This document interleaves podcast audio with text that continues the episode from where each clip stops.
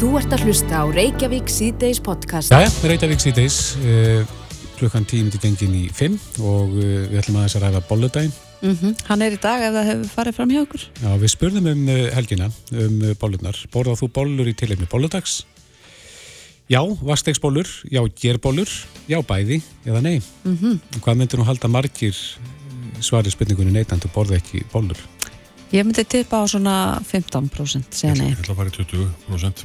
Já, 15,6. Nei! Að þú ert alveg með púlsinu þarna. Vá!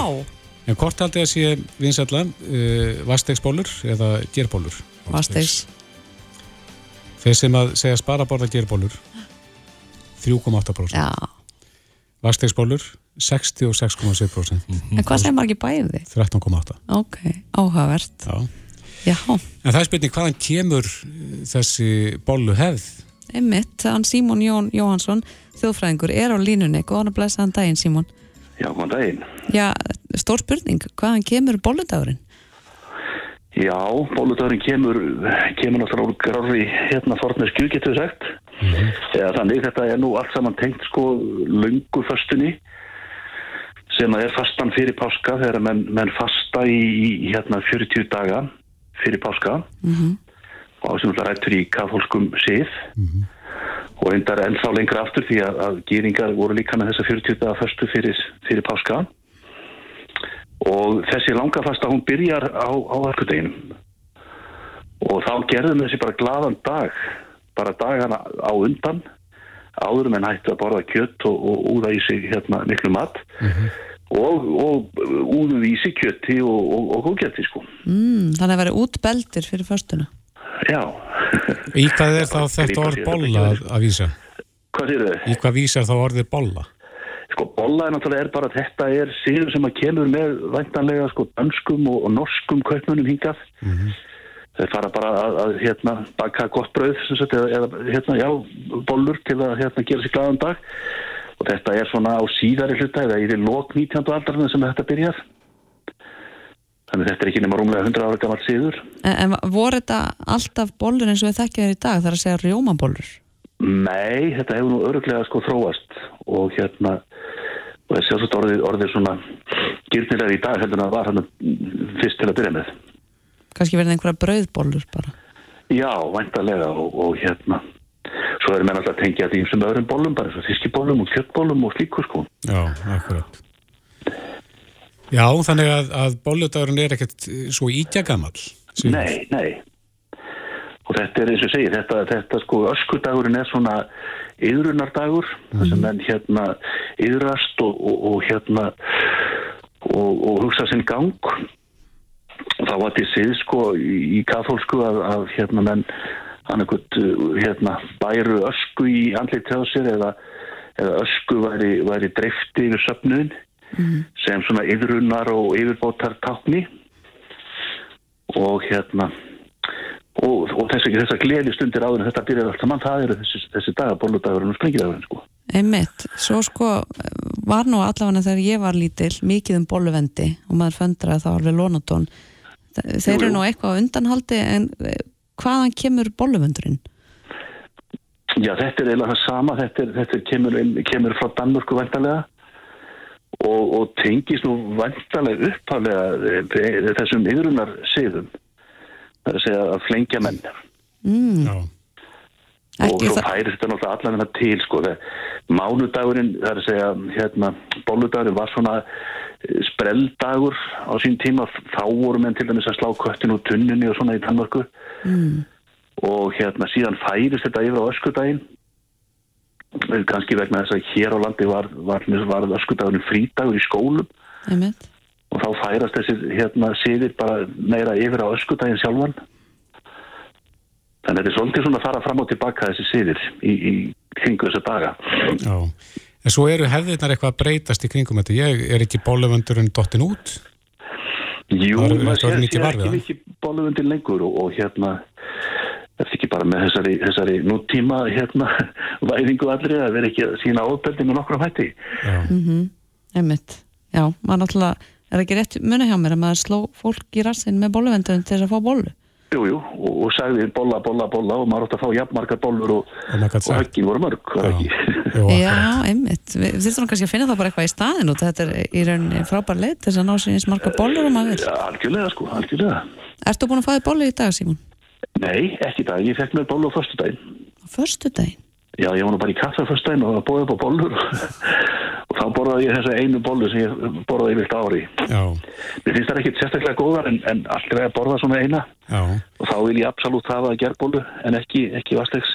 Já, að því að við vorum að tala um að siðirni breytast, nú eru bara vastegsbólurnar að taka yfir og gerbólurnar að leiða jú, út. jú, jú, það er nú málið sko. Já, Þannig að hérna, Já, já, já, já. Símon, þá verði ég að fá að spyrja þig. Færðu þið bara hefbunda bollu, sulta, rjómi, súkulega og hana?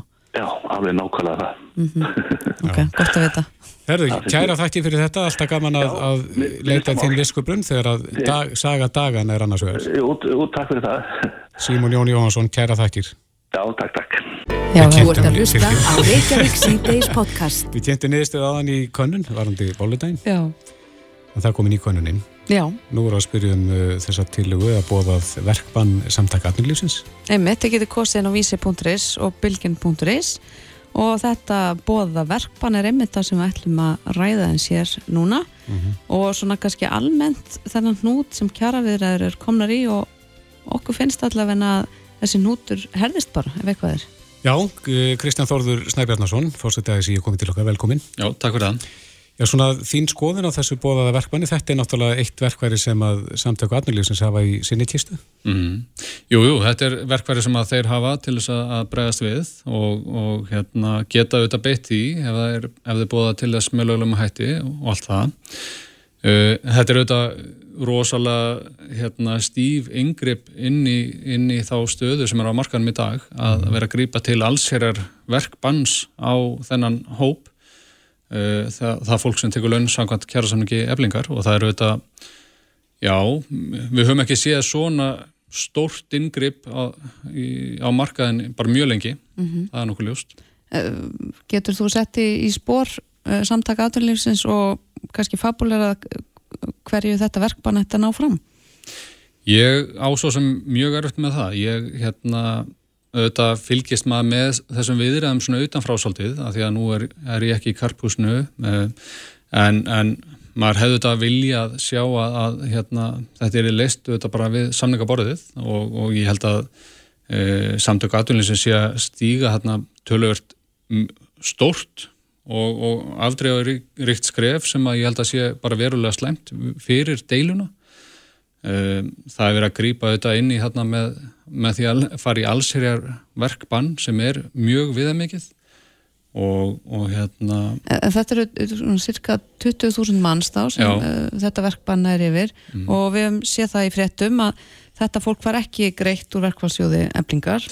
mm Uh, hvaða stöðu setur þetta þá félagsmenn eblingar í eftir verkbanns kemur? Þetta auðvitað setur stöðu, eða fólkið í auðvitað mjög slæma stöðu. Það hefur verið að náttúrulega meina því að vinna og, og fá laun fyrir það. Um, Þetta setur síðan auðvitað líka samfélagi í ennverði stöðu. Það hefur verið að grípa til þessa, þessar aðgerða á þeim tíma sem að hérna, væri í raun og hægt að afstýra þessu og, og hérna, ebling hefur þó farið fram með skynsumum hætti að búa til pressu á, á viðsefndi sína með leggja niður störf, afmörkuðu störf sem að hafa áhrif og búa til þennan þrýsting sem að nöðsynlegt er. En þarna sýnist manni að samtök aðlunisins sé að stíga í raun og veru það stór skref að það geti orðið bara verulega slæmt fyrir samfélagið. Í staðins að setjast bara við samningaborðið og reyna að finna leiðir áfram í, og gera kjarasamning. Það er auðvitað það sem maður hefði viljað að sjá þau einbetta sér að. Já. Heldur að þetta hefur verið tilhund til þess að tæma verkvældsjóð eflingar? Um, eflaust, eflaust getur það verið eitthvað hugmyndafræði hjá þeim að, að gera þetta með þessum hætti til þess að tæma sjóði eða, eða hafa það neikvæð áhrif. Um, en já, maður veit svo ekki hvað liggur að baki þarna. En svona ef við skegnum staðin sinni í framtíðina um, ég held að almenningur við svona sem horfum á þetta að þessi fjarlæð sjáum ekki alveg hvernig þessi deila leysist Mm. Nei, þetta náttúrulega hefur verið tölvert mikið svona, já, mikið af deilum í kringum þetta og, og fari kannski minna púður í þetta samtal.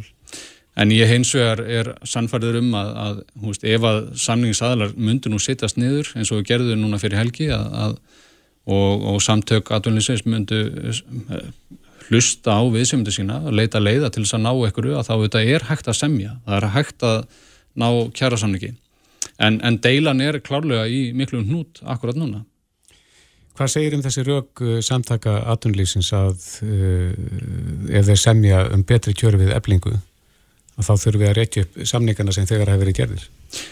Já, ég svo sem hef ekki séð í öðrum kjærasamningum nákvæmlega sé skilgreynd að, að húst, með hvað hættið slíkt þurfum að gera. Um, eblingu auðvitað gerir þarna sjálfstæðan kjærasamning og þarf auðvitað að raunuru vinna í því að ná samningi og, og einhverju niðurstöðu þar það er alveg hægt að finna leiðir til þess að, að koma til móts við hópin þannig að kostnaða matsamningana sem er einhverjum ákveðnum hætti eða eitthvað þannig e, þetta er auðvitað eitthvað sem að þarf bara að finna leið til þess að ná samningi og, og þannig að báðir aðlar séu svona sæmila sáttir mhm. En nú er þetta félag sem að þegar hafa samið byrjuð að ræða framhaldið mm -hmm.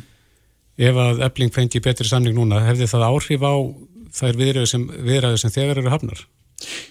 Það getur, húst, auðvitað er afskaplega erfitt að segja til maður. Um það fyrir auðvitað eftir í hvaða er sem að kæmi inn í samningana, hvað kæmi til viðbótar um, og auðvitað er einhver svona heildar mynda á öllu þessu sem við erum að gera í samningum. Samningar eru fjölmarkir hér á landi og eru auðvitað með ákveðin svona frábröðin einkenni sín á milli, þannig að það auðvitað, þetta myndi skipta miklu máli. Hvað er þið í samningum og hvaða útvæslur er þið er farið í? Mm -hmm. og, en samningsaðlar auðvitað, já, það eru hópar sem eru byrjaðar að undirbúa næstu samningalótu nú þegar. Og við erum reyndar mörg félögur líka eru ennþá að reyna að klára kjæra samninga sem að runna út í, í november þannig að það er verið að bæða að vinna svona fortíðina og framtíðina líka. Þannig að þetta eru þetta vinna sem er bara í gangi En uh, varandi miðluna til ríkisáttsemjara, og það við ætlum reyndar að ræða að setna í þættinum að Ólaf mm. Helga Adolfsdóttir, hittari stjórnar uh, eblingar, hefur hafðað mál til dæmis á ASI og mm. Íslenska ríkið og SA um að félagsmenn eblinga fá kjósa um þessa miðluna til þau. Hvar stendur þú í, í þessu máli? Mjög umdelt þessi miðluna til þau. Já, miðluna til hann var mjög umdelt og, og framlagning hennar og við svo sem tókum alveg skýra afstöðu með það að við teldum að, að þegar að þessi tillaga var lögð fram að þá var það algjörlega ótímabær eh, ingripp í þessar viðræður. Sökum eins að það voru ekki hafinn negin átök, það voru ekki, við, viðræðunar voru ekki komnar á þann stað að, að hérna, það væri búið að reyna svona til þrautar að, að ná lendingu og, og heldur ekki búið að fá svona, um, já, ræða við samningsaðala um það að þetta mikla ingripp kæmi til framkvæmda. Um, þannig að það eru þetta eitt út af fyrir sig sem við teljum að formsatriðin hafi ekki verið uppfyllt. Þannig að og ég auðvitað tel að að þar hafi bara verið gerð mistök að stíga ofsnemma inn í þetta mm. og, og leggja fram uh, þessa myndu miðluna tilögu og það eru auðvitað eitthvað sem að þarf bara að uh, vinna úr í þessar stuðu en auðvitað líkilatrið er að aðlar nái saman um eitthvað uh, en, en já Heldur að það myndi leysa eitthvað ef að uh, félagsmenn eflingar fengi bara kjósa um hana og þá um, fellan eða samþykja, myndi það leysa eitthvað í þessum viðræðum? Já, nú erum við, að, erum við að tala um uh, samningstíma sem er mjög stuttur um, og það eru auðvitað eitt aðrið sem að þarf að horfa til. Um, það hefur verið mikil umræða líka um það og það er ástæði fyrir því að það þarf að vera búið að fara í gegnum ákveðin feril áður en að þetta er gert af því að samkvæmt lögunum að þá þarf mjög íþingjandi yngripp til þess að, sagt, sagt, félagsmenn þurfa að hafna þeirri tillögu með afgerandi hætti. 25% af kjörskrá þarf til þess að fella slíka tillögu og þetta sé að meira hluta atkvæða. Og það eru þetta eitt og sér uh, stort atriði sem að þarf að horfa líka í áður en að þetta er lagt fram. Þess vegna er alltaf betra að annarkort að vera með samþyggi eða svona vitund begjaðala áðurundi gert eða þá bara að samninga sér undir þetta og þá gilda aðrar reglur um afgreðsluna. En, en ef að þetta fer í gegn á þessum, með þessum hætti að þá auðvitað er ekkert víst að, að þegar að næst er sest niður að samningaborðin að staðan verði eitthvað betri. Þannig, og sérstaklega ekki þegar það er svona stutt eftir að samningstíma. Mm -hmm. En e, næsta mál að daska á það er þetta verkmann, hvort að það verið samþygt hjá samtökum aturlýsins, mm. ef að það verður samþygt hvaða áhrif mun það hafa? Já, ég held að áhrifin auðvitað verða mjög afgerandi við það og þannig er náttúrulega verið að grýpa til rosalega rótækra aðgerða og munu eflaust hafa tölvört lamandi áhrif á samfélagið. Sökum þess að fólki sem að vinnur þessi störf, það, þetta, er, þetta er líkil fólk í samfélaginu að halda öllu gangandi og við höfum nú þegar séð það í þeim litlu aðgerðum sem að vor, hafa verið hafinn e, þær aðgerðir hafa haft gríðarlega mikil áhrif á samfélagið mm -hmm. og þegar hópurinn fer upp í þennan fjölda, 20.000 manns, að það er augljóst að það mun hafa mikil áhrif á, á samfélagið. Uh, mér langar líka að spyrja þig varðandi þessar kjara viðræður um, þá hefur komið svona upp í umræðinni að þurft að breyta vinnulögjöfinni jáfnvel að breyta einhvers konar, eða gera einhverja breytingar á mm. vinnumarkaðsmódelinu finnst þér þess þörf?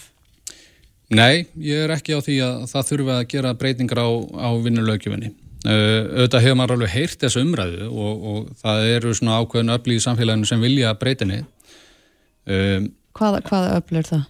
Já, maður heyrir þetta, veist, það er inn á þingi verið að ræða þetta og, og síðan þetta úr hópi ekkert um, ef það á að grýpa til eitthvað slíkara aðgerða og ég held að þessi tímapunktur séu þetta ekki heppilegur í það en ef það á að grýpa til eitthvað breytinga þá þetta þarf að horfa til um, þeirra þáttar sem skipta máli varandi gerð kjærasamlinga og, og heimildir verkefliðsfélaga uh, ég hef bent á það að sögum þess að það er oft verið að horfa til þess sem er gert á Norðurlöndunum að, en þá er yfirleitt tala bara um afmarkaðan hlut af þeirra lögjöf mm -hmm. uh, lögjöfin um það heimildir stjættafélag að leggja nöðu störf eru nokkuð rúmar þar og hvernig verkvöld eru bóðið þar er talað um að, að hérna, ja, þegar kjara samninga renn og gildi til dæmis að þá brestur á verkvall á fyrsta degi þegar samninga losna og það er nóg fyrir stjórn og trúnar að félagsins að tilkynna um það. En hér er verið að fara í atkvækriðslur um, um þetta sem að lengir ferliðu þetta og, og þannig að það eru svona ýmsir ýmsar hliðar sem þarf að horfa til ef það á að, að skoða að opna lögjöfuna en ég held að það sé engin tilöfni til þess eitthvað sérstaklega núna að rína í það að, að breyta lögunum. Ekkert sem þarf að bæta meða við þau mál sem hafa komið upp núna og styrðu við stæðum? Það, ég, ekki sem að, ég tel það ekkert brínt á þessum tíampondi. Það er hins vegar alveg, auðvitað, verður alltaf ágreiningur um, um tólkun laga og þess vegna höfum við dónstóla til þess að skera úr um það. En við höfum á undanförnum áratugum uh, þróað og þroskað þessa lögjöf sem við höfum um, um stjættafélag og vinnudelur sem að auðvitað eru tólkanir og niðurstöður félagsdóms mm. sem að svona skýra framkvæmdina miklu leiti og hefur verið sáttum að, að þó nokkuru leiti en auðvitað það er alltaf eitthvað sem að þarf að laga vissulega. En þetta verkværi ríkisáta sem er að geta knúið fram uh, félagarlista? Já, framkvæmd atkvækriðslu? Já.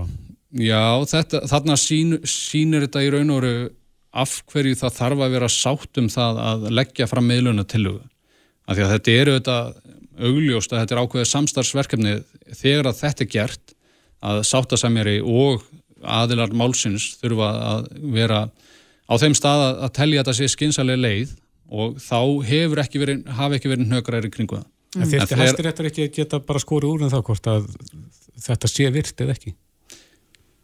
Ég, svo sem ætla ekki að hafa endilega skoðan á því núna en, en ég, nei, ég sé ekki alveg ástæði til þess. Þannig að í þínum huga er hlutar ríkisáttar sem er ekki þá, hann á þá ekki að fá fleiri verkværi til þess að knýja fram eh, sinn vilja, ef svo má segja. Ekki með slíku valdi að verkvælsréttur sé tekin af stjættifélugum. Þetta eru þetta um, og er búið að skýra aðeins í þeim dómum sem að fallega undarförnu að rétturinn til þess að leggja niður störf er auðvitað heimild sem að bæði verkalistfélög og síðan verkbönn sem að fyrirtækin eða aðtunir hafa til þess að búa til stöðu og búa til þrýsting. Þetta er réttur sem má auðvitað ekki skerða uh, samkvæmt svona alþjóða lögum og, og samtíktum. Nei, en svo erum við að tala núna um lög, að setja lög á, á þetta verkvall. Mm. Heldur að það geti orðið að veruleika áður en áttur líður? Ég held að veri alls ekki skynsalegt að, að grýpa til þess á þessum tímanpóndi. Ég held að það þurfi að einbeta sér að því að ná einhverju niðurstöðu. Öll svona yngrepp í deilur, í kjaradeilur eru ekki, ekki skinsamlegar leiðir og ég held að það er ekki sátt um það. En, en hvar er línan þar að segja hvar þarf deilan að vera til þess að stjórnvöld grýp inn í að, að þínu mati, að það sé skynsamlegt að grýp inn í? Mín lí, lína er svo að það stjórnvöld eiga ekki að skipta sér af þessum málum og eiga ekki að grýpa inn í. Aldrei. Eh, ekki nema að sé vera að ógna almanna heill eða, eða eitthvað slíkt sem að hafi það neikvað áhrif á, á samfélagi, líf og heilsu fólks. Þar, þar geta verið einhver mörg en, en ég ætla ekki að úttala mig um það veist, hvað einhver lína er á hverjum tíma. Það eru auðvitað að skipta máli hvað deila er í gangi og, mm. og, og, og það þarf að meta þarna auðvitað heilstætt. En ég held að líf og heilsa fólks auðvitað eru þættir sem að skipta miklu máli og það eru auðvitað er einhver mörg sem við þurfum að virða. Mm -hmm. En deilan geti haldið áfram lengi en vonum við samt ekki að þetta leysist sem fyrst? Jú, við vonum það sjálfsögða að það veri fundin eitthvað niðurstað sem að veri ásæntalega fyrir félagsfólk eflingar. Ertu bjart síðan á það? Að það gerist innan, innan tíðar? Ég er reyndar alltaf freka bjart síðan en, en eins og staðin er akkurát núna þá hérna, ég hef verið bjart síðni, ég get sagt það, mm -hmm. en, en auðvitað vona maður að, að, að komist til enda fljóðlega. Já. Kristján Þórður Snæbarnarsson, fórsetið ASI, kæra þakki fyrir komina. Takk hella. Þetta er Reykjavík C-Days podcast. Já, Reykjavík C-Days heldur áfram og við rákum augun, augun í aðdeklisverða fréttin á atvinnulífin á vísi mm -hmm. fyrir helgi um stóru uppsögnina. Þetta hefur verið kannasóldi í bandarækjum þar að segja í COVID að fólk sagði upp starfinu sín og söðlaðum, þess að maður segja og það er talað um að alltaf 47 miljónir bandarækjamanna hafi verið tekið þetta stökk og alltaf þá vantilega eld einhverja einhverja drauma sem að blunda innan með þeim Já, og í þessari frétt uh, þar kemur fram að 22% þeirra sjá eftir því að hafa sagt upp vinnunni. Já, jáfnvel væri til að fara aftur í samfarið mm -hmm. en uh, til að ræða stóru uppsögnina og í svona vinnumarkaðin eftir COVID er hér sest Guðrýður Hjördís Baldurstóttir, hún er vörustjóri mannuðslusna hjá Advanja. Velkomin. Já, takk fyrir. Myndust endur á það hérna á hann að stóra uppsögnin svona þetta eins og þetta er kannað í bandaríkjónum hefur kannski ekki verið kannað hér á landi eða hvað? Eh, ég held, veit ekki til þess að það hefur verið rannsakað eins mikið og hefur verið í bandaríkjónum það er þetta stór hópur fólki eins og þú sagðir, 20 miljónar sem að breytum starf og ég held að þetta eigi sér alveg stað á Íslandi líka, þið skoðið svona þessi síður á íslensku miðlum þar sem að vera að segja að þessi var að byrja að vinna hér og þessi var að flytja sig úr þessu starfi í hitt starfi, mm -hmm. sínir alveg hvaða mikil uh, er mikil reyfing á markanum og það var það sem að svona stóru uppsöknir stjæristum, fólk var að endur skoða gildi sín. Og það sá að það kannski hafi fleiri möguleika hvar það var að vinna og í hvernig verkefnum. Og núna er vinnu, komum að segja, vinnuheimur margra orðin alþjóðleiri, ég er til dæmis að vinna með fólki í Serbíu og Úgrænu mm -hmm. og þú veist þannig að það er rauninni Það er ekki að fljúa á milli vikulega? Nei, það er þess ekki. Og hérna Þannig að þá fórum margir svona að endur skoða hvað langar mig að gera, hvað skiptir mig máli, hvað er ég í lífinu, er ég, þú veist, ung með lítil börn eða, eða er, hef ég meiri frítíma og hvað vil ég verja frítímanum mínum. En það sem að þetta síðan þróast hratt úti í þetta, þessi stóru uppsöknin var quiet quitting. Þá var fólk að reyna svona bara að finna mörkin og ég ætla kannski bara að vera í þessu starfi en ég ætla að finna mörkin í því bara hvenar byrjar vinnudagurinn minn eins og þegar maður kannski vinna heima hjá sér og, og vinnusvæðið er stofuborðið og þá svona hvenar á ég að mæta? Hvenar er kaffetími og hvenar er ég síðan búinn og ég bara fer að, fer að gera eitthvað annað svona þessi, þessi rammi? Og svo núna nýjasta er svona quiet firing sem er líka mjög áhugavert fyrir bara því að það sem við erum að sjá núna er að að það að vera stjórnandi í dag er orðin stórkostlega á, sko, áskorun. Mm -hmm. og hérna Er það út af því að fólk er svona á víð og dreif, sumir heima og aðrir halvandaginn og þarframöndugötunum? Já og þegar að stjórnandi kannski í meira mæli hafði bara fólk fyrir fram að sig og einu sinni var talað um sko viðvera er ekki sama og, og virði mm -hmm. það er raunin að sjá eitthvað sitja eitthvað starf er ekki það sama og að sé skila virði mm -hmm. nú eru stjórnendur að upplifa það er erfiðar að fylgjast með fólki og afkostum þeirra Þannig ég, ég vinn við það að hérna, þróa mannuslausnir og einu lausnum sem við hefum þróað er samtal sem hjálpa stjórnendum að, að taka þetta samtal við starfsfólki sitt og það sem er svo áverðt í þessu nýjasta trendi er þetta svona quiet firing að stjórnendur séu að vegra sér við að taka erfiða samtalið og séu í rauninni svona hætta að veita stafsmannum stuðning hérna svolítið útilokan og vona bara að hann hætti Já. Þetta fjari bara út Já, þetta er svona Já. bara eins og, eins og hérna fólk hefur verið að lýsa þetta er svona eins og bara þú eru ákveður að skilja við ykkur en þú bara svona reynir að hérna ekki mæta, mæta á deytinn og, og ekki vera skemmtilegur að vona að þetta gerist að sjálfa sér sko. Mm -hmm. en, en svo leiðis vinnusamband þetta getur orðið mjög, mjög súrt. Og þetta verist vera bara orðið trend í heiminn dag að stjórnendur svona bara bara veit ekki hvernig er eiga að vera stjórnendur í þessu nýja umhverfi. En e, það kemur fram að það eru 22% sem að sjá eftir þessu í, í hverju heldur að svo eftir sjá félist? Núna er til dæmis bara vinnumarkaðurinn að breyta strætt það er eins og ég sjá hjá stóru fyrirtækjan mellendis það eru uppsagnir hjá bara Google og Tesla og, mm -hmm. og Twitter og, og hérna þannig að það, fólk er að sjá bara öll þessi störf sem voru áður hérna í rauninu svona fjárvinni störfugastunni hver sem er og að það er bara svolítið að breytast það er, það er að þrengja aftur af vinnumarkanum og fólk er kannski fara aftur að kunna meta störfi sín mm -hmm. og sjá bara, herði ég, þetta starf sem ég valdi að neinu sinni, kannski var það bara ekkert eitthvað alls slæmt. Eru störfin á leiðinni inn að vinnustæðin aftur? Já, ég sá einmitt núna Disney verið að tala um að nú ætlaði þeirra bara kalla alla aftur til starfa í, á höfustöðum fyrir utan fólk mátti vinna einhvern neitt dag í viku. Og í dag held ég að stjórnendur séu svona í pínu vandrað með þetta að finna með hverju meinum starfsmanni þennan sveigarleika sem að starfsmæðurinn er að leita að og hvaða vinnum hverfi mm -hmm stjórnendur líka sjá að menning skiptir máli. Því sjá þau öruglega hérna í Íslandi að það eru vinnustæður reyna að laða til sín gott fólk með því að, að hugsa um heilbreyði, líkamlegt geð heilbreyði, bjóða upp á alls konar námskeið, starfstróun þetta eru svona hlutverk stjórnandans í dag að finna með hverjum að einum bara eiga þetta samtal, hér er hvað er sveginleiki fyrir þér, erst þú í rétta starfinu hvernig get ég stutt við þig mm -hmm. og svo framvegis. Sko þetta orð sveginleiki maður sér það meira svo oft í atvinnuölsingum mm. starf og sveianleiki bóði og, en er, er þessi sveianleiki ekki eitt af því sem er að flækja ef að stjórnandi þarf að fara að semja um sveianleiki við hvern og eitt starfsmann kannski í stóru fyrirtæki, segja það? Jú, og þarna eru líka stóru fyrirtækin svolítið erfilegu með að setja ykkur eina stefnu. Að því að hérna, teimi innan stóru fyrirtæki eru líka svo ólík. Og meðan eitt teimi kannski getur unnið algjörlega bara í sveianleika bæði því hvar fólk er statt og á hvaða tímusólaringsins síðan eru bara önnu störð þar sem fólk þarf að mæta.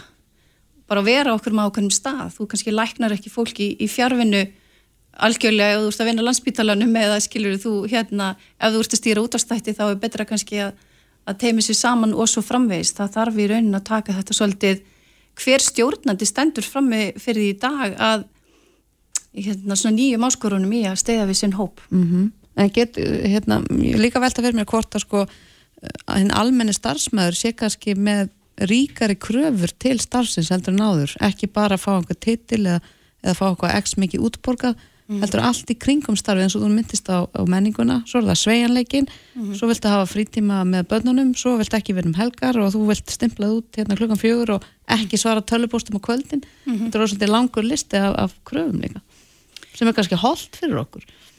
Já, ég held að í, í grunninn sé þetta bara verðið sem við skilum. Það sé eitthvað samkomiðlega á milli svo þú ákveður að taka ykkur starfi og þú fær greitt fyrir það starfi ykkur laun að það sé svolítið umsami hvaða verðið þú átt að skila. Og margir kunna með þetta sveigarleikana geta unni kannski með 6 tími í dag og 10 tíma á morgun og, og svo framvegist. Þannig að þaksina held ég að þetta sé orðið vandasamara fyrir fyrirtæki í dag að að mæta hverjum og einum og, og þú, þú getur ekki sett eina stefnu sem bara á að henda öllum þú verður einhvern veginn að eiga þetta persónulega samtal annarkort innan teimana eða maður og mann og ég held að það sem svona kannski byrjaði sem stóra uppsöknir fólk fór svona endur hugsaði upp, upp á nýtt að þá hefur komið svona hvert trendið og fætur öðrum að því að vinnustæðinir eru núna að reyna að endur hanna sig aftur og aftur. Og margir að fara núna í, í gegnum sko endur hönnun á höfustöðum eða vinnurými mm. til að segja, jú komiði hingað svo gaman að vera hér, hér eru fría bollur og gott kaffi. Hérna, þú veist, komið og hittið okkur öll hinn og þá er orðið svona kannski tókstreitan á þeim sem bara vilja vera heima. Og hvar á þá setja eiga vera okkur reglur eða, eða bara meg allir hafa þetta eins og þeir vilja, það er það sem að held ég að stjórnandin er svolítið að fást við í dag. Mm -hmm. Í hvað átt munu vinnustæði fara núna næstu mánuðum? Mér finnst þið vera að þróast í það að fólk sé að mæta meira til vinnu. Og ég held að sé að því fólk kann að meta vinnustæði betur heldur en að gerði áður. Og það kann að meta samvinnuna og teimisvinnuna það kann líka að meta held í mörgin í því að bara mæta í vinnu og vera þá í vinnun og svo bara fara heim úr vinnun og þá er vinnudeginum lokið. Þannig að ég, mér finnst svolítið fyrirtæki verið að fara en aftur í það að reyna að kalla fólk inn á vinnustafana en mm. svo að því sögðu þá er vinnustafamódeli er í, í stöður í þróun þannig að þó þetta sé akkurat staðan núna þá kannski hver veit hvað verður staðan eftir sex mánuði eða, eða, eða ár sko. Já, er þetta spá fyrir um næsta trend? Ég veit ekki, er faraldur á leiðinni eða hvernig Já, ekki svo við vitum allavega við lásum nú einhver, um einhverja leðublöku veru hérna, ekki fyrir svo mörgum dögum en við Já. vonaðum það besta Nei, einmitt, þetta er það sem náttúrulega gerist í, í heimsfaraldri að það, það var mannust heiminn voru undir allt í hennu bara gríðali og álægi við að reyna að finna út úr hvernig er hinn nýji vinnustadur mm -hmm. Hvernig allt í hennu bara útbyrðu fólk til að vinna heimann frá sér bara í tækjabúnaði og, og öll þessi fjárvinnu fyrirtæki bara sem að bjóða upp eins og Zoom og Teams fjárfind og allt þetta fóru bara í gríðalega þróun til þess að mæta þessu markaði. En gæti verið næsta trend að útrýma stimpilklukku sem að, að hérna, poppar allt upp svo við og við er einhverja stjættir sem nýta en þá stimpilklukku. Er stimpilklukka batnins tíma eða þarf alltaf að vera í ákvörnum störfum einhvers konar innstimpling, innstimplun og útstimplun? Sko, mér finnst nefnilega sko hvort sem það er stimplun eða verkskráning mér finnst hún kostur af því að hún heldur auðvitað með réttindi fólks. Við erum mikilvæg réttindi sem fylgja því hvort við séum í vinnu eða ekki í vinnu. Og bæði til dæmis bara eins og orlof og veikindaréttur og, og það hefur líka eins og mörg fyrirtæki til að segja þetta bara já, mátt bara taka orlof bara eins mikið og þú vilt en ef þú myndir ákveða að fara í þrjá mánu í burtu hvað hva heldur staðan væri þú kemur tilbaka, væri vinnan vitandi bara, herðu, þetta er bara frábært. Bara þú skilja nýjum mánu að vinna framlega árið þá erum við bara í góðum málum, það getur vel verið. En ég held að uh, ef það er eitthvað rammi þá held ég að fólki almennt líði betur innan rammans, því ég get sagt eins og fyrir sjálfa mig að hafa sveigalega eins og ég sagði áðan, einn daginn að vinna fjóra tíma og næsta dag tíu og næsta dag eitthvað annað, mér finnst það kostur að geta haft hann sveigalega og mér finnst kostur að skráða þannig ég veitir svona nokkurn veginn hvernig, hvað verði ég búin að skila síðasta mánuð. Þannig að ég held að, að þetta sé bara eitt af þessum tækjum sem við höfum ef, að, ef að það nýtist. Já, og þetta segir okkur líka kannski þetta með eftir sjána að grasið er kannski ekki alltaf græna hinn Nei, það er bara það er kostur og gallar við það að vinna á Íslandi eða Spáni eða hvað það er það er að, vera einn á vinnustanum er kannski hérna leðilegt til lengri tíma. Ég held að sé engin tilbúin að vera í leiðilegu starfi bara því það er hægt að vinna heima frá sér. Mm -hmm. Með það, áhugavert, Guður Hjördís Baldurstóttir, vörustjóri mannuslusna hjá Advanja. Kæra þakki fyrir spjalli. Já, takk fyrir að bjóða mér. Þetta er Reykjavík C-Days podcast. Já, heldum áfram í Reykjavík C-Days og eins og við höfum svo sem rætt, þá hafi verið margar stórar fréttir og þessum kjara viðræðum í dag og reyndar um helgina. Já, og máli virðast bara flætjast ef eitthvað er. Emmitt, eh, svo bættist eitt mál í viðbót við listan í dag, kannski svona svolítið óvænt. Mm -hmm. uh, Ólaf Helga Adorstóttir, rítari stjórnareflingar, eh, hefur stemt ASI, samtökum Atunlífsins og Íslenska ríkinu fyrir félagstómi mm -hmm. þess að fá kjósa um þessa umdeildu miðlunar tilhugur ríkisáttsemina. Já það er spurning hvað vakir fyrir henni og hver rökina bak við þess að kæru eru? Einmitt, við erum með uh, lögmann Ólafar á línni, hann Haldur K.R. Þorstensson, góðan að blessaðan daginn Haldur Já, sælublessin Já, það er spurning hvað uh, hvernig er þetta rauksturt? Akkur, akkur er Ólaf Helga að stefna þessum þremur samtökum og, eða tveimur samtökum og Íslenska ríkin? Já, það stóðst að spurt. Um, stefnan byggir í rauninni á því að hún eigi sem almenni félagsmaður í eflingu rétt til þess að uh, fá kynnta þessa millunatölu ríkisáttasemjara frá því lók síðasta mánadar og í framhaldinu rétt til þess að kjósa um hana eins og aðrir afkvæðisbærir félagsmenn, eblingar og í rauninni begja megin bórsins en líka hjá samtökum aðtunulísin sem átt að kjósa um þessa tilvöðu og þú spyrir hvers vegna e, sko, samtökum aðtunulísin sem vísnæsta ríkinu er þá líka stemt og þá er það til þess að að þóla það að, að um, sko, skilduna til þess að framkvæma þessa atkvæðagreyslu og, og svo skilda kvílinn að það getur bara á eblingu heldur lögum samkvæmt þá, þá kvílir þá ríkisáttasemjara að, að láta framkvæma þessa atkvæðagreyslu og í þá samráði við eblingu og, og samtök aðtunumlýfsins og, og það er ein af kröfunum í þessu máli, það er sem ekki eina krafan en það er ein af kröfunum í málinu að, að þessi atkvæðagreysla verði framkvæmt og henni lokið innan skilkanlegs tíma þannig að, að félagsmenn í eblingu og aðrir þurfu þá ekki að, að sitja við það að, að þessi milna til að sko gangi hugsanlega yfir þá og taki gildi án þess að þeir hafi fengið að kjósa um hann, mm. taka aftur til það. En þú segir innan skilkanlegs tíma, það byrja þá vantilega tröppugangur aftur í þessu máli. Hva, hvar byrjar þetta? Er þetta félagsdómur eða? Já, þetta, þessi, þessi stefni hefur verið stemt inn fyrir félagsdómi og hún verður þingfest núna á morgun þriðdag klukkan jögur og uh, það er fósiti félagsstofn sem gefur út stefnun og ákveðu stefnufrestin og það má svona sjá það að þessum stutta stefnufresti að, að þetta mál fer þá í, í forgang og, og fer í, í svona e, já, það er hraðari meðferð heldur meðla mm, og, og, og ef, ef, eftir gengur hvenar myndi þá þessi atkvæðagreisla uh, fara fram? Það, sko, aðal krafan í þessari stefnu er svo að gengur, gengur út frá því að, að atkvæðagreiftu skuli ekki loki síðar en 23. februar næstkomandi sem er núna á 50 daginn ef við skjótast ekki og til vara þá að, að henni sé lóki ekki síðar en einni viku frá dómsurkvæningu en eftir að það er hann hæfilegs pressa mati dómsurs og mín að það má gefa sér það og hættilega sé það mjög íll framkvæmanlegt í praxís að klára atkvæðagreysli fyrir á fymtudagi næsta. Já, en er ekki komið niðurstæði þetta mál meðal annars úr, úr landsrétti? Sko, úrskurður landsettar um eh, aðfendingu kjörgagna, hann stýrir raunni bara því að ríkisáttasemjari hafi ekki heimi til þess að að þá með beitni aðfaragerð aðfend þessi kjörgagn.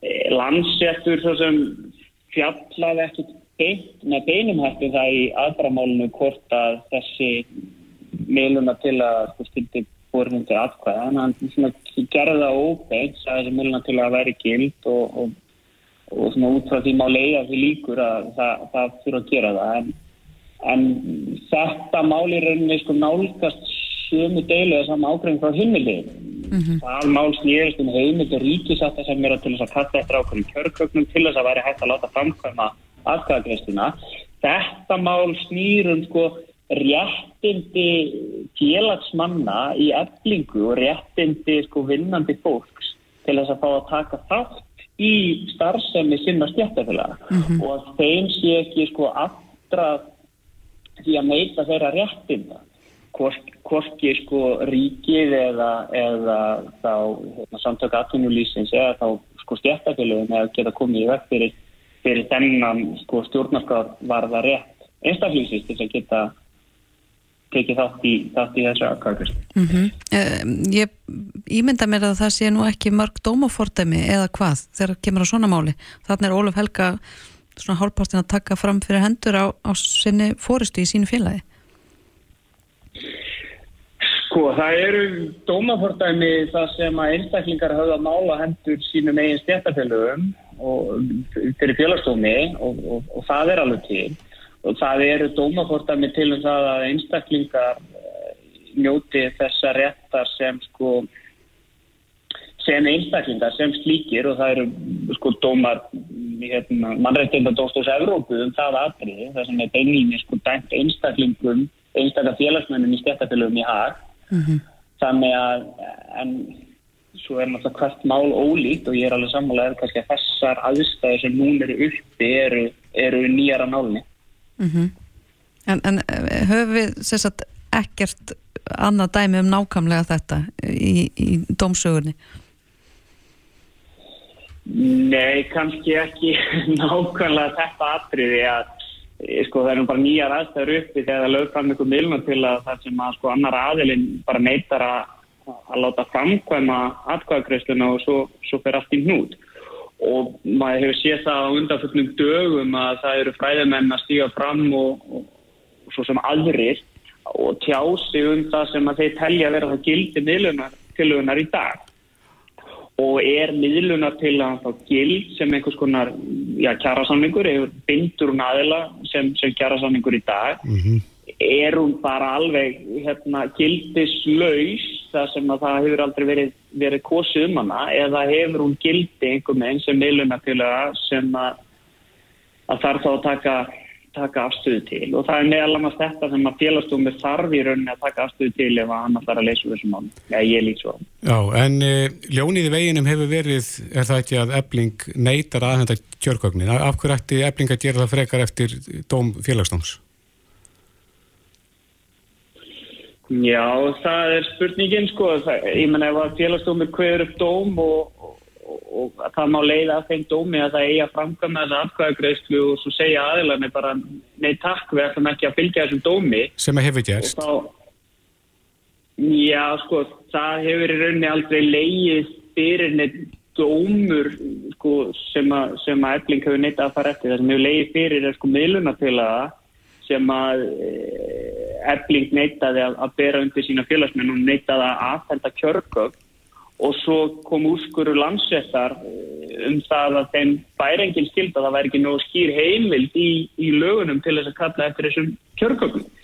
En ef að það kæmi núna dómur félagsdóms um þessa skildu stjæktafélagsins, gafkvært sínum eigin félagsmunum til þess að láta framkoma þessa atkvæðagreyslu að þá er það er bara spurningin sko og þá við verðum kannski bara að fá fyrst dómin og sjá hvað segir í honum og, og sjá síðan hver viðbröðin eru til þess að metta þá stöðu sem uppbyrði þá.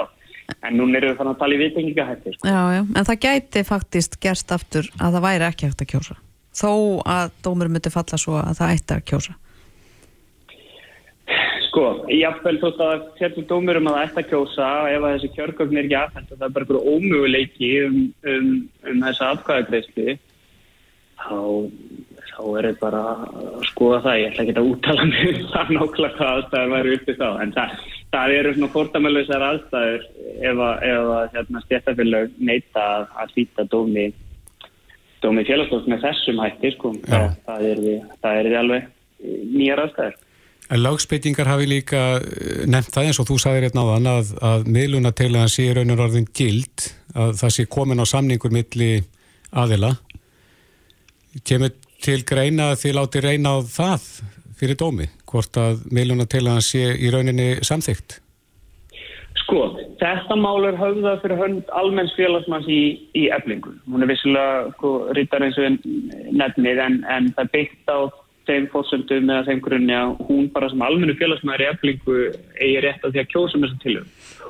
Hún út af fyrir sig hefur einhverja hagsmun að gæta því að tillagan sem slík sko gildi þessi kjærasamningur. Þannig að það er ekki gerð krafum það verið hennar hönd að, að þessi tillaga þessi tólkuð sko sem, sem í gildi kjærasamning. Hins vegar er það alveg ljóst af því hvernig þetta málur uppi að það er svona lagt svolítið fyrir félagsdóm að fjalla um það atriði og taka afstöðu til þess atriðis og, og hérna e, það, það getur bara vel verið að það megi lesa það úr endanlegum dómi félagsdóms að, að til að hann hugsanlega sko hafi tekið gildi annarkoð 31. janúar síðastleginn þegar sko afkvæðagreyslu 8 hafa verið lokið eða þá 23. februar næstkomandi þegar það eru fjóra vikur liðna þá því að milna til að hann var, var lögð fram mm -hmm. að, að hún hafi ekki verið fælt fyrir þann tíma í atkvæða greiðslu að þá, þá gildur sér kjærasamning. Og það er, í rauninni, leiðum mér að segja bara hættan, sko, fyrir félagsmenn sem maður vilja ekki, í fyrsta lega hafa bara ekki fengið að kynna sér þessa meiluna til lögu og, og fyrir ekki geta þá sko ekki tekið upplýsta afstöðu til hennar og öðru lagi sko þá sem maður vilja bara ekki samtíkja þessa meiluna til lögu að það sé, sé það verið aftræðin þá því að, að fá að segja nei sko í atkvæðagrestu,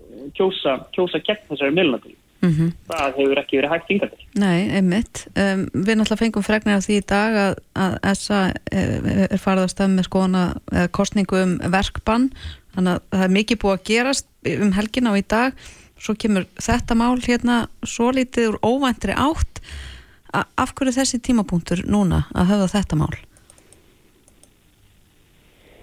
Í, já, í, bara, kannski bara fyrst og fremst vegna þess að þessar aðstæður eru uppi núna, það er aðstæður til þess að höfða þetta mál núna.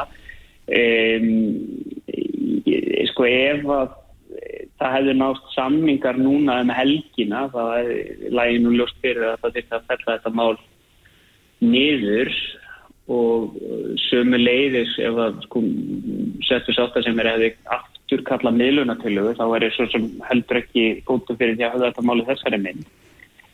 En tí, tímasetningin er ekkert er ekkert útspil inn í neina umræði þetta er bara fyrst og fremst verið að láta reyna á annan rétt sem að mm sem að kannski til henni til núna sérstaklega í í ljósi úrskurða landsjæftari frá því fyrir viku síðan og, og dómsfélagsdóms. Það er svona setur myndinar í smá upplaust og, og þetta máli þá vonandi til þess að skýra myndina frekar heldur en að flækjana þannig að þið voru að tala um hérna á hana að þetta væri, væri orðið svo flókið. Sko.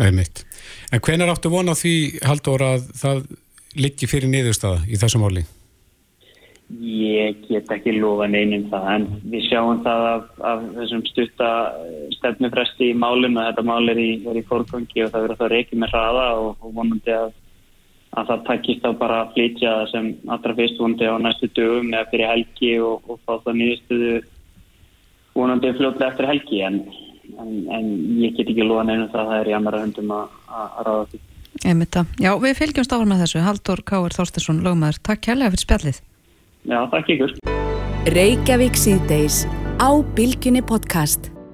Já, þá vantar klukkana 11 myndur í 6 og við ætlum að aðeins að ferðast á Norð-Östurland. Já, nú er farið að hitna þarna undir í jöklinum og það er talað um yfirvóandi gós í östju. Já, og þá er stóra spurningin þar sem að svona gós mm -hmm. getur aldels haft mikil og stór áhrif á, á, á nærsamfélagi hvort að eh, fólk þarna fyrir norðaustansi undirbúið. Mm -hmm. Adalsteinn Jónsson, bondi á Klustur Seli, er á línunni, kom til sæl.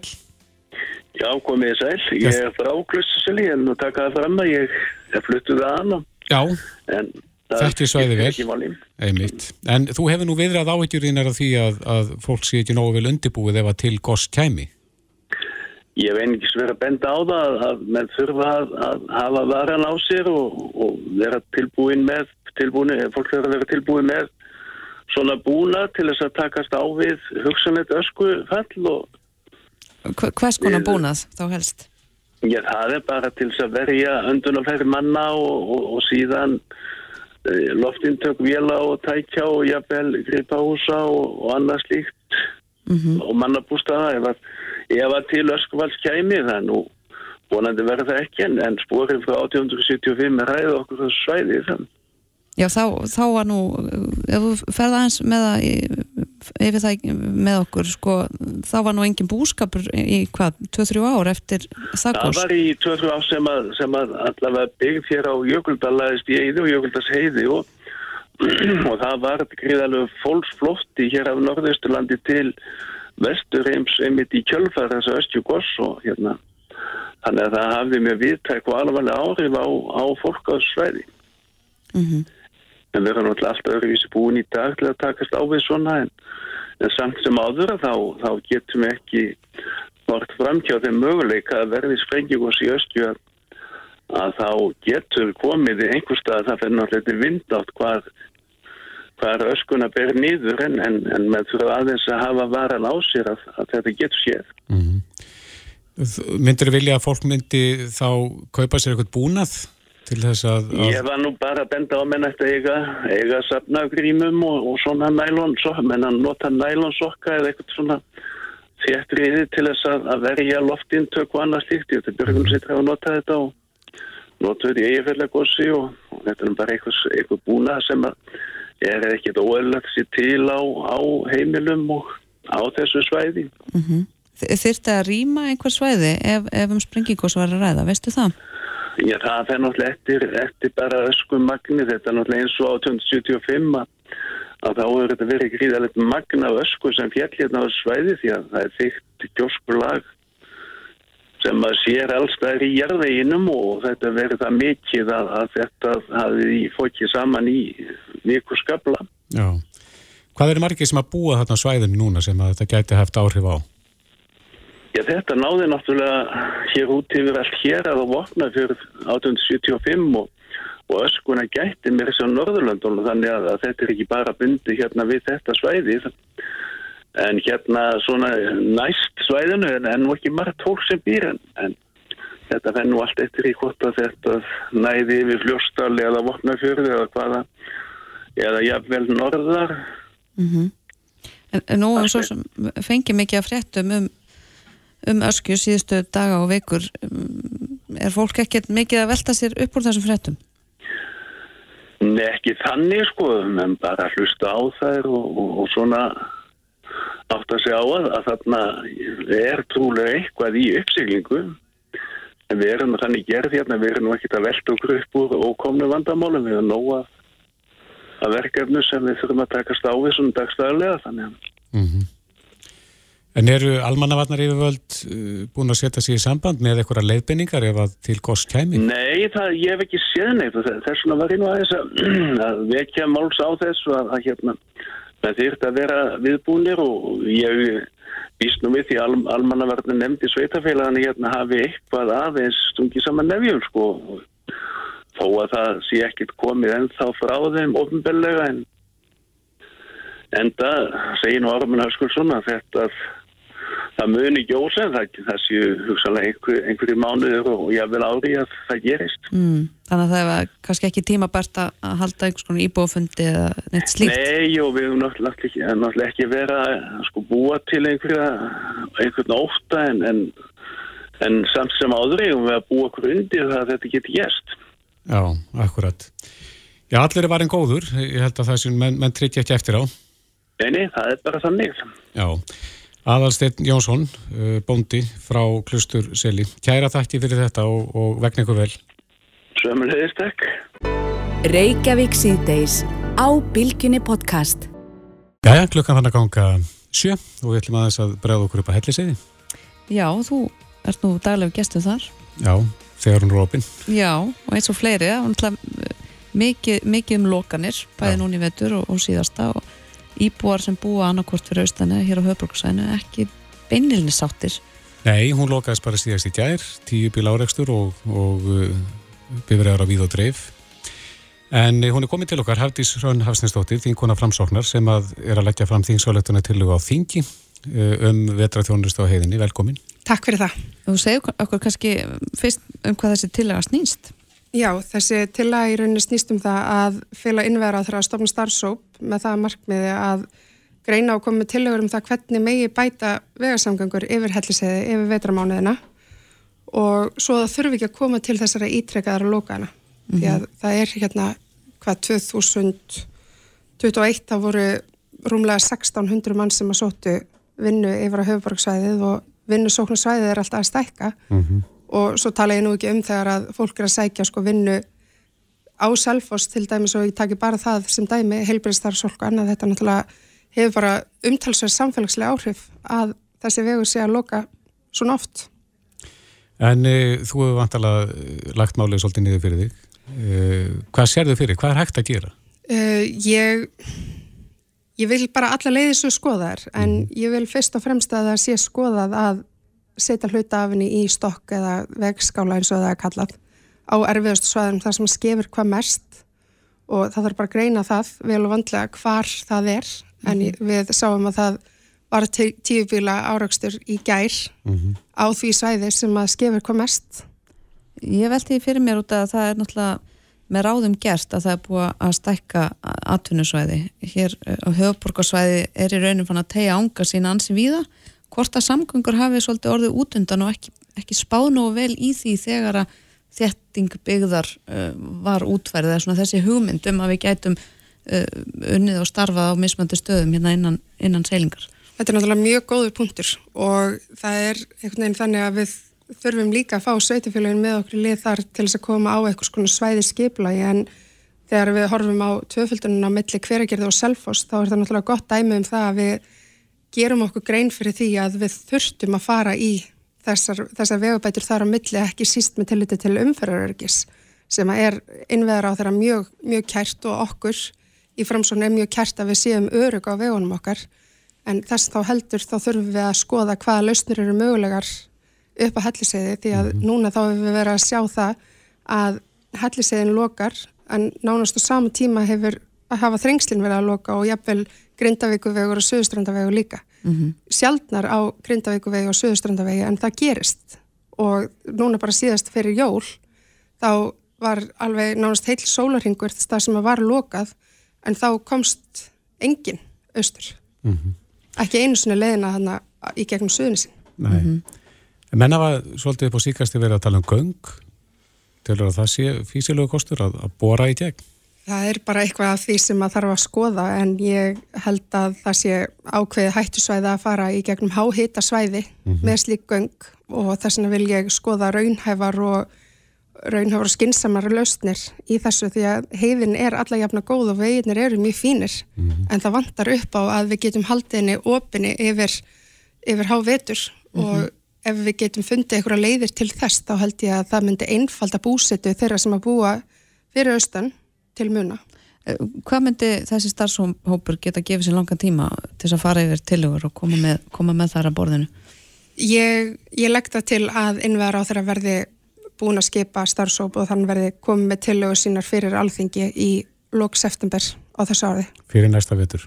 Já, eh, nei, byrjun september fyrir næsta vetur. Já. Þannig að við getum fara að vinna úr þeim tilugum og kannski að byrja á einföldu tiljónum þannig að næstu vetur er þið bærilegri Ég hef vonað það, ég hef kert í gegnum svona veg, vegskála fyrir vestan og það var einmitt, hann var settur upp í því skinni að það væri ekki komið til ítrekkarnar lókana og bæta umferðarörgi og ég held að þetta muni bara vera leiður í því mm -hmm. Hefur þið farið fram eitthvað mat á því hvað svona lókun kostar?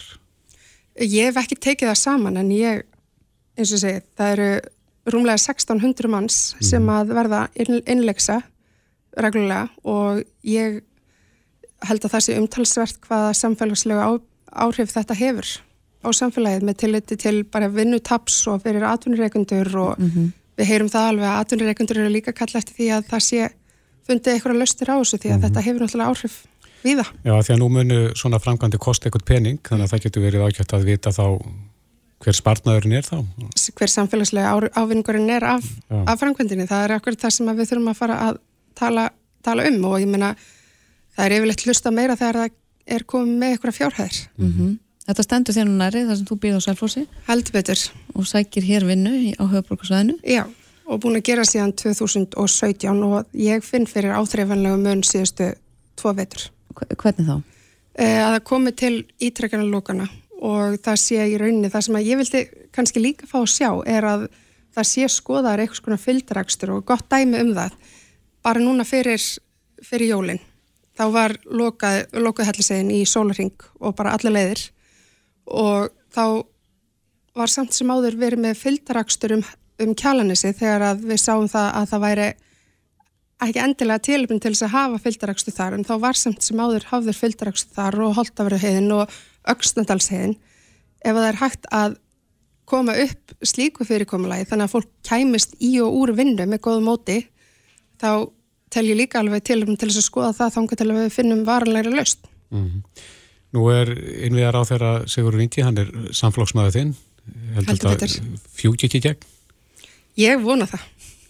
Þetta hefur allan að fengi góðan hljómgrunn og við þurfum bara að finna einhverja löstnir á því til þess að, að bæta vegarsamgangur yfir veturmánuðina því að þetta, þetta hefur verið í hámælu og ég held að ef ekki núna þá hvenar. Ég mitt að já, við fylgjumst áfram með þessu Hafdís Rönn Hafstinsdóttir, Þingona Framsóknar Takk fyrir spjallið, gangið vel Takk sem leiðis Hlustaðu hvena sem er á Reykjavík C-Days podcast. Já, ég skal svo segja ykkur það. Ég get alveg uh, sagt það, Kristófer, að minn hópur sem er á mínu reiki á samfélagsmiðlum er gjörsamlega að trillast eftir frétti dagsins. Já, út af Backstreet Boys sem við heyrim hér. Já, Já, þeir eru á leiðin til landsins að halda hér tónleika í nýju lögutarsöldinni 28. apríl næstkomandi. Já, já.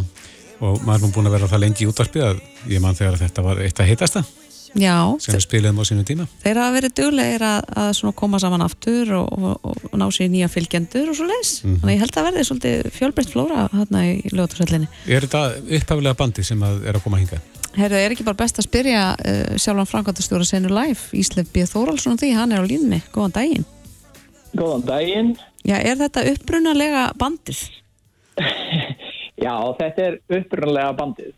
Og hérna, það er svo merkilegt með þetta band sko að hérna, ólið kannski mörgum öðrum svona 80s, 80s og 90s nostalgífuböndum Mm -hmm. að þá hafa þeir sko haldið áfram og eiginlega vaksið og vaksið síðastliðin ár og hafa eiginlega aldrei verið stærri en í dag.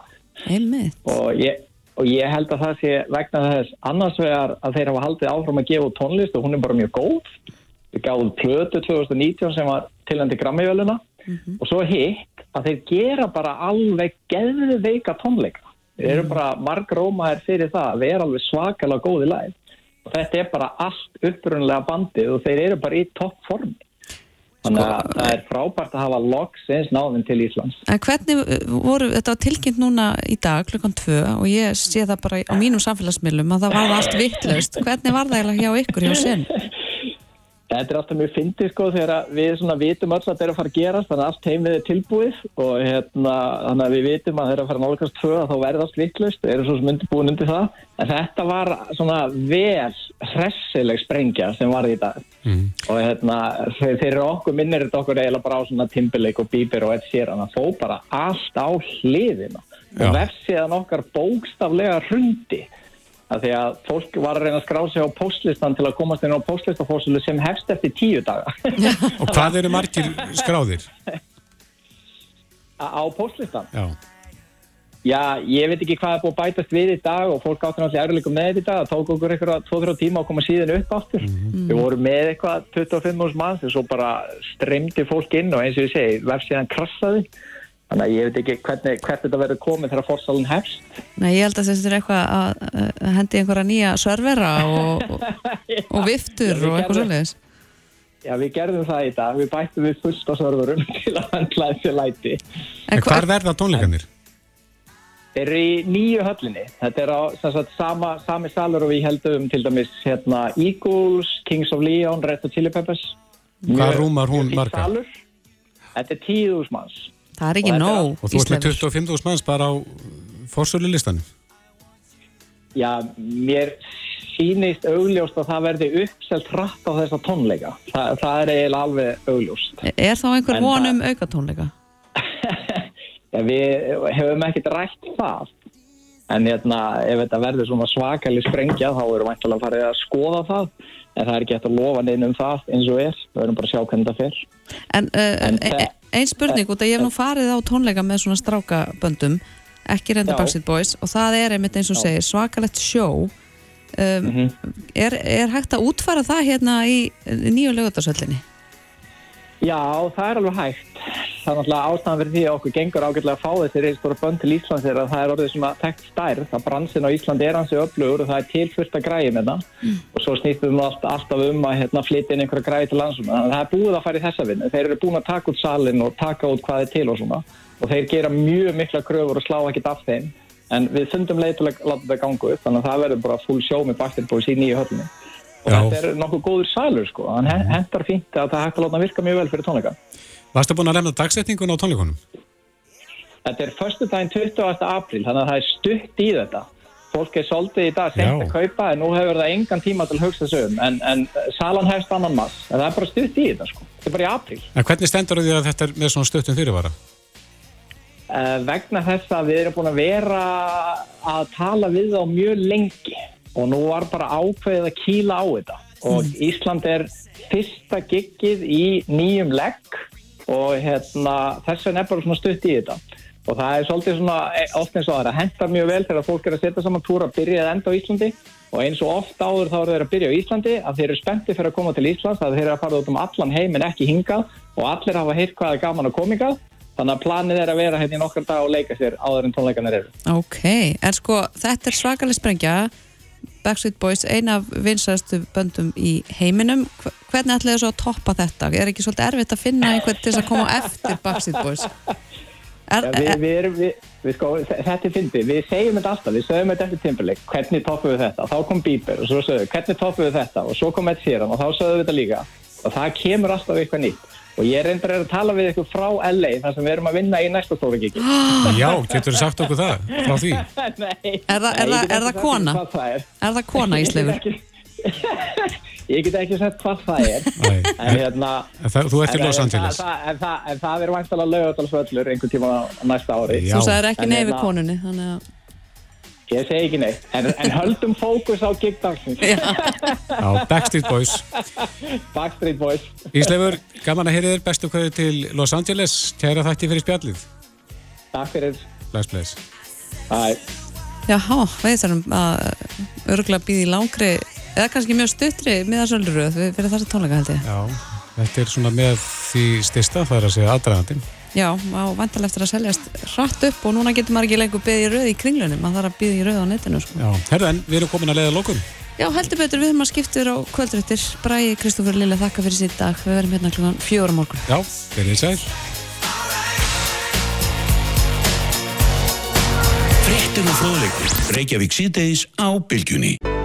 Reykjavík síðdeis á Bilginni podcast.